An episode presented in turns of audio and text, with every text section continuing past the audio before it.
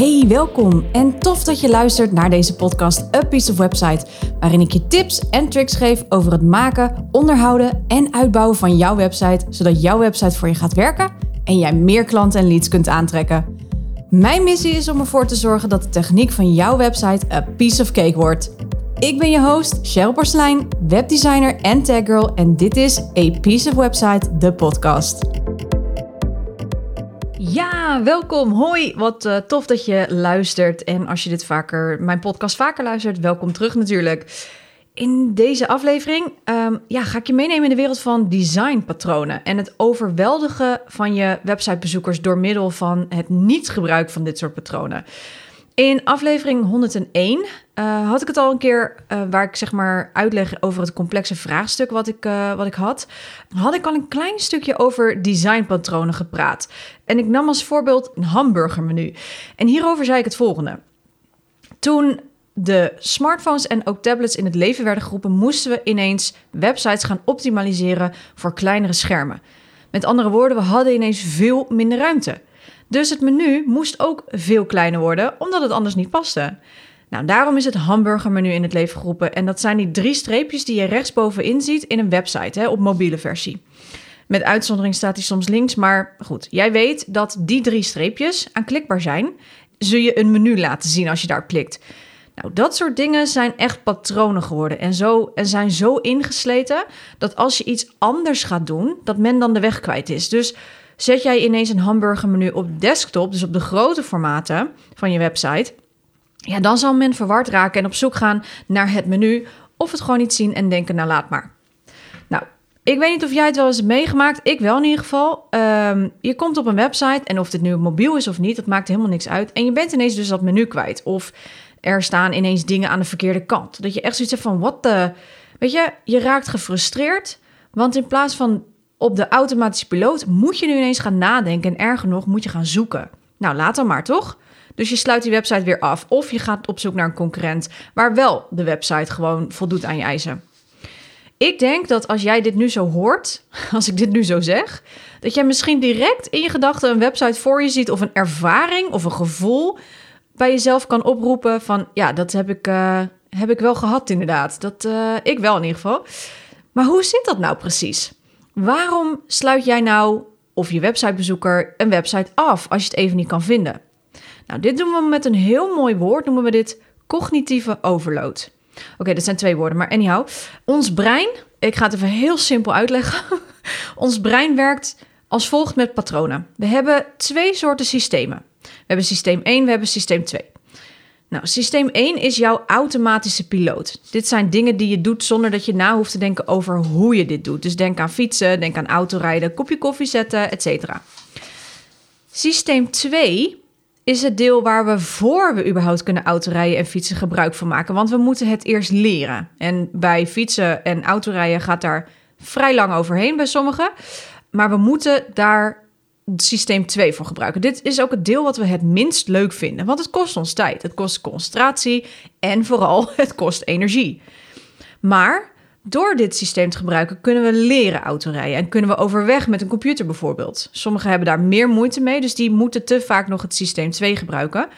Maar wanneer je uiteindelijk zeg maar bijvoorbeeld het autorijden onder de knie hebt, hè, en je mag gaan afrijden en je gaat de weg op zonder leraar naast je, dan zul je merken dat dat op een gegeven moment overgaat op automatische piloot. Je weet welke schakeling uh, je moet doen als je geen automaat rijdt. Je weet welke van de drie pedalen je gas en je rem en je koppeling is.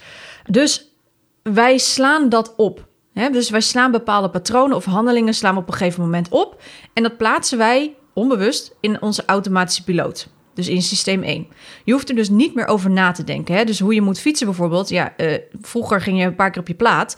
Maar ja, uh, tegenwoordig is het gewoon je gaat trappen en je gaat vooruit. Daar hoef je niet over na te denken. Dat is bijna hetzelfde als ademhalen. Wij zijn als mens luie nadenkers. We gebruiken maar wat graag dat systeem 1, die automatische piloot, want we willen vooral gemak hebben en niet hoeven nadenken over bepaalde handelingen. Systeem 1 is daarom ook ons favoriete systeem dat we gebruiken. Wanneer er dus dingen gebeuren waar we ineens systeem 2 voor nodig hebben, dus het harde nadenken of het moeten leren van bepaalde handelingen en die moeten vaak herhalen om het naar systeem 1 te krijgen, raken we heel vaak, vooral in het begin, gefrustreerd. Het voelt namelijk alsof systeem 1 gemanipuleerd wordt. En dat is ook het systeem dat daar meest vatbaar voor is. En ook voor donkere patronen. Dus als je bijvoorbeeld op een website zit, denk aan e-mail pop-ups. Dat systeem 1, die automatisch piloot, als we daar worden uitgehaald en we moeten ineens nadenken, ja, dan vinden we dat niet leuk. Nou, dat gebeurt dus ook heel vaak op een website. Systeem 1, onze automatische piloot, is dus gewend dat er rechtsboven op mobiel een hamburgermenu staat. Of dat we op desktop een menu kunnen vinden bovenin en dat links het logo staat. Als dat ineens of omgedraaid staat, of het hamburgermenu op mobiel staat links, of het hamburger-icoontje. Dus in plaats van dat, dat mens, als je, hè, dat je denkt van nou, ik ga een ander icoontje gebruiken, want dat vind ik leuk. Dan moeten we ineens systeem 2 aanspreken. Dan moeten we nadenken, dan moeten we zoeken. En nogmaals, dat vinden we echt niet leuk. En nou denk je misschien, wel, het is maar een menu. Daar kun je toch wel even tijd voor maken om dat te zoeken? Nou nee. We gebruiken designpatronen al zo lang om het onze websitebezoekers dus zo gemakkelijk mogelijk te maken. Hè? En daar komt ook mijn expertise bij om de hoek of mijn specialisme. Uh, het versimpelen van. En die designpatronen, die hebben we dus ontwikkeld in de loop der jaren. Dat is uitvoerig getest en noem het allemaal maar op. Zodat we dus die websitebezoeker het zo gemakkelijk mogelijk kunnen maken. Want we krijgen namelijk zoveel prikkels en zoveel keuzes op een dag. Dat als we nog eens na een drukke dag bijvoorbeeld hè, systeem 2 moeten gaan aanspreken. Omdat we moeten zoeken of nadenken over wat we waar ook alweer op die website kunnen vinden. Ja, dan doen we dat gewoon liever helemaal niet. En vaak betekent het ook dat als één designpatroon afwijkt op een site dat er vaak meerdere patronen afwijken op een site. Want dat geeft meestal ook weer een patroon. Haha, pun intended. Maar als een persoon ervoor kiest om één patroon door te breken, dan gebeurt dat meestal ook op de rest van de site. En dan wordt het dus een overload, waardoor mensen dus gewoon je website afsluiten en ook niet meer terugkeren. Hè? Dat is ook wel even belangrijk. Je loopt daardoor dus gewoon letterlijk klanten mis. Je moet er ook altijd van uitgaan dat mensen die jouw website bezoeken met tig dingen tegelijk bezig zijn. Dus afhankelijk van je doelgroep. Maar misschien wilden ze net die site gaan bekijken. Uh, hè, hadden ze net even in hun hoofd. Ik moet even deze persoon uh, bijvoorbeeld hun uh, e-maillijst of hun weggever downloaden of iets dergelijks. Of ik moet even de podcast opzoeken. En een kind van hun, als jouw doelgroep kinderen heeft, jou, hun kind gooit een glas water om. Nou, dat geeft frustratie. Die frustratie, die ligt daardoor dus al hoger als normaal. Hè? Want kijk, als we inderdaad helemaal niks te doen die hele dag en we hebben verder geen frustratie of we hebben geen prikkels gehad, of we, dan kunnen we het iets makkelijker door de vingers zien dat er inderdaad ineens een ander icoontje is. Dan willen we best prima een beetje gaan zoeken. Um, maar nogmaals, dat moet niet te veel worden, want anders dan haken we sowieso af. Maar de frustratie door dat soort prikkels die we de hele dag hebben, zeker in deze digitale tijd, en daar die frustratie al hoog van is, ja, als die website dan ook nog eens wat van hen vraagt, terwijl die frustratie al zo hoog is, ja, dan haken we af. Dan moet je maar eens op letten als je denkt van ik kom zo'n website tegen die, uh, waar jij bijvoorbeeld uh, iets wilt zoeken. Een, een webshop bijvoorbeeld. Heel vaak, dit soort gebruiksvriendelijkheidjes zitten heel vaak in webshops. Want webshops gebruiken filters, webshops gebruiken grote systemen. En als dat op dat moment, jij wil een schoen zoeken en op dat moment zijn er al dingen waardoor je de dag al iets minder relaxed hebt afgesloten en je moet dan nog op zoek naar schoenen en de website werkt niet, dan voel je, waarschijnlijk voel je het nu al, dat je denkt van, laat maar zitten. Ik heb er geen zin meer in, laat maar. Dus je gooit die mobiel uh, de hoek in en je gaat Netflixen. Hè? Even gechargeerd. Maar dat is wel zeg maar waar we rekening mee moeten houden met als we websites gaan bouwen. En daarom noemen we patronen ook designpatronen. Het zijn dus echt handleidingen geschreven voor dit soort patronen, dus design keuzes over hoe een bepaald onderdeel op een website eruit moet zien. zo hebben we contactformulieren die bepaalde echt vaste eisen hebben. Ik had in aflevering 101 had ik het een voorbeeld genomen over uh, Kompas, waar ik voor werk. En dat ik voor hen een enorm ingewikkeld systeem, een inclusief design vorm moest uh, ontwikkelen en ook een gebruiksvriendelijk design vorm moest maken. Nou, één van die onderdelen binnen dat systeem, dit is maar een heel klein, heel klein deel van, dat, van het ontwerp wat ik had gemaakt, maar dat waren de filters. Nou, en filters hebben echt bepaalde patronen, omdat filters gewoon echt heel vaak heel snel ongebruiksvriendelijk zijn. Zeker op mobiel. Weet je, klein scherm, we moeten veel scrollen. Ja, als ik dan ook nog eens ga verwachten dat mensen ineens een raar icoontje zien en ik verwacht dat ze het dan vast wel snappen, dan ben ik ze kwijt. Ik doe dus nooit aannames. Ik moet me vasthouden aan de design die hier is voor vastgelegd. Want dit design, wat ik al zei, is in het afgelopen jaren zo uitvoerig getest. En het gaat dus ook al jaren mee. En al zo lang dat we er zo aan gewend zijn dat we het allemaal in ons systeem 1 hebben opgeslagen. Dus je hoeft niet clever tussen aanhalingstekens te gaan doen. Hè? Websites hebben nu eenmaal bepaalde regels, bepaalde patronen die we gebruiken dus voor een reden. En het kan ook andersom werken, hè? dus let op. Hè? Dus als jij besluit om bepaalde patronen wel te breken en mensen blijven wel op je website, omdat nou ja, de patronen zijn nog niet zo overdreven gebroken dat de gebruiksvriendelijkheid uh, daaronder leidt. Kans is klein, maar het gebeurt.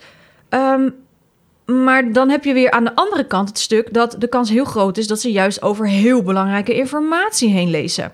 Zo lezen we namelijk van links naar rechts. Dus alles wat heel belangrijk is, zetten we links. Zet jij dingen die belangrijk zijn rechts, dan is de kans dus heel groot dat ze het dus niet zien. Waardoor ze dus ook uiteindelijk informatie missen. Hè, want ze zijn dus niet overtuigd van jouw verhaal of jouw kunnen. En zullen ook geen contact met je opnemen. Want ze zien het niet. Ze, ze missen dat deel. En dat resulteert weer dat, ja, dat ze naar je concurrenten gaan die wel die info op de juiste plek heeft staan. En dus dan heeft het helemaal niks te maken met dat jij niet of wel goed in je vak bent. Dat heeft er alles mee te maken met waar plaats je dingen. Hoe en dat is natuurlijk, ik, to be fair, ik bedoel, ik kan hier uren over praten. um, maar het gaat er echt om dat je goed in je hoofd houdt dat dat mensen van links naar rechts lezen of dat mensen echt gewend zijn aan bepaalde dingen, aan bepaalde patronen. En dit is dat strategische deel van websites wat ik natuurlijk mega boeiend vind, omdat ik gewoon zie ja, wat bepaalde dingen doen met zo'n websitebezoeker. En het mooiste van dat is de combinatie om deze patronen in een strategisch design te zetten. Dat vind ik echt fantastisch. Dus het zo neerzetten dat één, het er mooi uitziet, twee, gebruiksvriendelijk is, vooral hè, en drie, dat het doel van de website niet vergeten wordt en de indeling daarop aansluit. En wat ik je nu vertel met die cognitieve overload, met dat we heel graag systeem 1 willen gebruiken in plaats van systeem 2, heeft ook alles te maken met donkere patronen. Want die hebben we ook nog. We hebben designpatronen, hè, dus die echt vast zijn gesteld. Um, de UI noemen we dat in, in webdesignwereld. Dat is user interface, dus de gebruiksinterface. Uh, uh, daar hebben we echt complete handleidingen voor. Maar we hebben dus ook nog zoiets als donkere patronen, dark patterns. Dit zijn dingen zoals pop-ups, daar zitten ook patronen in. Uh, slecht design, maar ook de schaarste die je heel vaak ziet gecreëerd worden op websites. Van er is nog zoveel plek, er is nog maar één uur tot deze korting verloopt, of nog maar 15 minuten voordat je deze, uh, van deze actie gebruik kunt maken. Ook dat zijn patronen. Ook dat zijn patronen. Alleen zijn ze manipulatief op een manier. En systeem 1, die automatische piloot, is daar heel gevoelig voor. Want die is gemakkelijk te manipuleren, waardoor we dus uh, sowieso die fear of missing out voelen, hè, die FOMO. Uh, maar ook dat we ineens moeten, dat we uit ons patroon worden gehaald in het niet hoeven nadenken welke handelingen je moet doen. En als er ineens zo'n pop-up in je gezicht oplopt, dan ben je dus uit jouw automatische piloot getrokken. Snap je wat ik daarmee bedoel? Dus zo'n pop-up dat je bent net aan het lezen of je hebt uh, je informatie ben je rustig gaan zoeken, je bent een beetje aan het doorscrollen. Je zit niet zeg maar met de handelingen, dus echt de fysieke handelingen die je doet, het scrollen, het aanklikken van een menu-item, et cetera. En ineens, woep, een pop-up plopt in je gezicht. Dan ben je dus uit die automatische piloot gehaald. Dus dan moeten we weer nadenken. En het is wel in een split second, maar we raken er wel gefrustreerd van. Want we moeten dus nu een andere handeling doen. We gaan op zoek naar dat kruisje. Want wat ik ook heel vaak zie met e-mail pop-ups is dat ik dat kruisje niet kan vinden, dat ik dat rotding kan wegklikken. Of met die cookie banners, weet je wel, dat je denkt van, ja, maar welke knop is nou wat en waar moet ik nou klikken, et cetera. Dat soort dingen, dat haalt ons uit systeem 1. Dus dat haalt ons uit de gebruiksvriendelijkheid of het niet nadenken over de handelingen die we doen op een site, haalt ons eruit, waardoor we systeem 2 moeten aanspreken, die we helemaal niet leuk vinden. En daardoor zoiets van, ja, oh, kom ze weer met die cookie banners, e-mail pop-ups, ga weg, weet je, zo dat is gewoon. Dat moet je niet willen. Daar zijn andere manieren voor. Waar je op moet letten is als je dit soort dingen gebruikt, pop-ups, cookie banners, etc. Het mag, hè? Het is niet fout. Alleen waar je heel erg op moet letten is de manier waarop je het gebruikt. Want als wij te vaak systeem 2 aan moeten spreken om een website te kunnen bekijken, dan kan dit overslaan in cynisme, in frustratie. En dus ook dat een websitebezoeker dus kan afhaken en gaan kijken bij je concurrent, die misschien niet dat soort dingen heeft staan. Dus je kan letterlijk klanten mislopen als je het niet op de goede manier doet.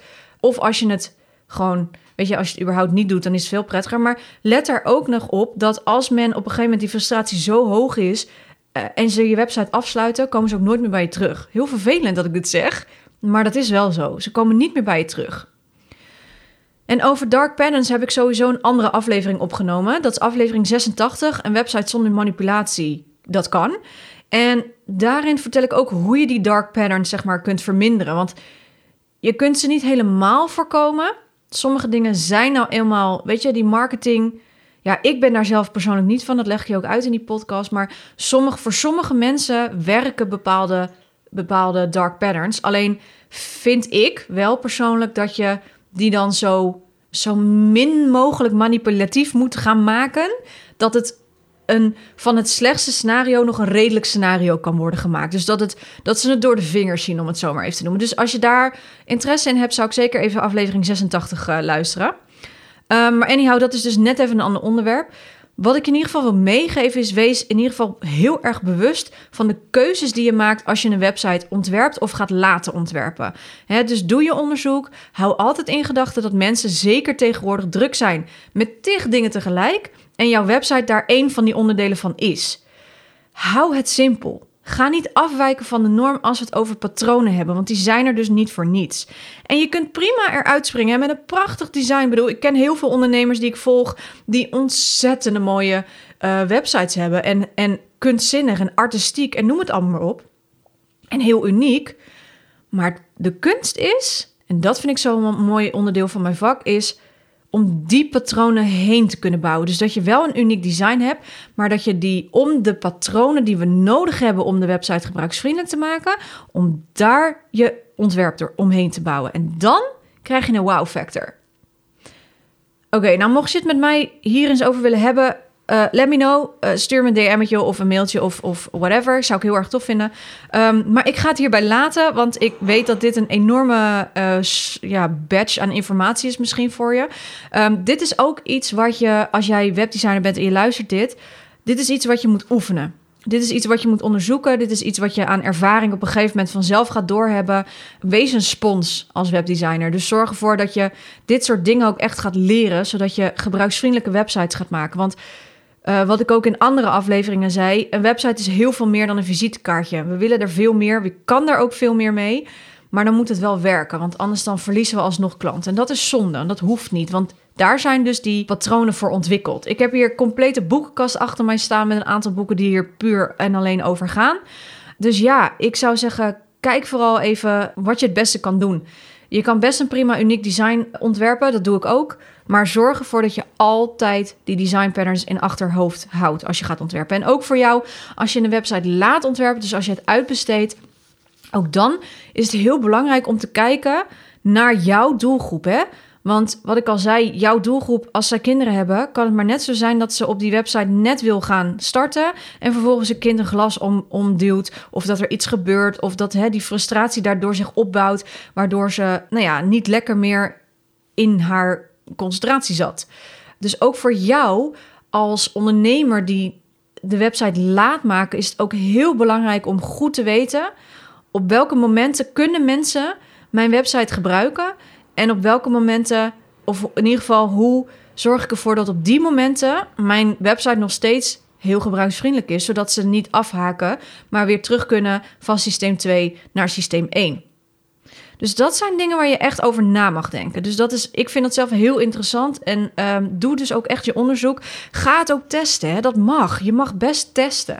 Ga gewoon eens vragen aan jouw doelgroep of aan jouw klanten of whatever. Of je nou webdesigner bent of niet webdesigner. Ga eens vragen aan, jou, aan jouw omgeving, aan de mensen waarmee je werkt. Van joh, hoe zie jij mijn website? Wat vind je ervan? Want we kunnen wel aannames gaan doen, maar aannames gaan je niet verder brengen. Je moet onderzoek doen. Je moet feedback gaan vragen. Want alleen dan kun je je website zo optimaliseren dat het ook echt voor je gaat werken. Oké, voel je de passie? Nee, grapje. Ik ga hem afsluiten, want het is echt een, eh, echt een volle podcast geworden. En ik, uh, ik, ik hou het altijd graag kort. In ieder geval, ik wens je een hele fijne dag. En uh, tot de volgende keer. Hey, doeg! Wacht! Voor je deze podcast helemaal afsluit, ik heb nog iets heel tofs voor je. De gratis website snelheidscheck staat voor je klaar. Een snelle website is namelijk van belang, want wist je dat 79% van je bezoekers niet meer terugkeren naar je website als deze te traag laat? Dat percentage is echt mega hoog. Maar hoe weet je of je website snel genoeg is? En wat moet je doen als je website dat niet is? No worries, daarom heb ik de website snelheidscheck in het leven geroepen. Je ontvangt een persoonlijk rapport over jouw website en in dit rapport vind je een overzicht met snelheidsprestaties en ontvang je tips en quick wins om je website direct te versnellen. Je kunt de website snelheidcheck volledig gratis aanvragen via www.apieceofwebsite.nl/snelheidscheck.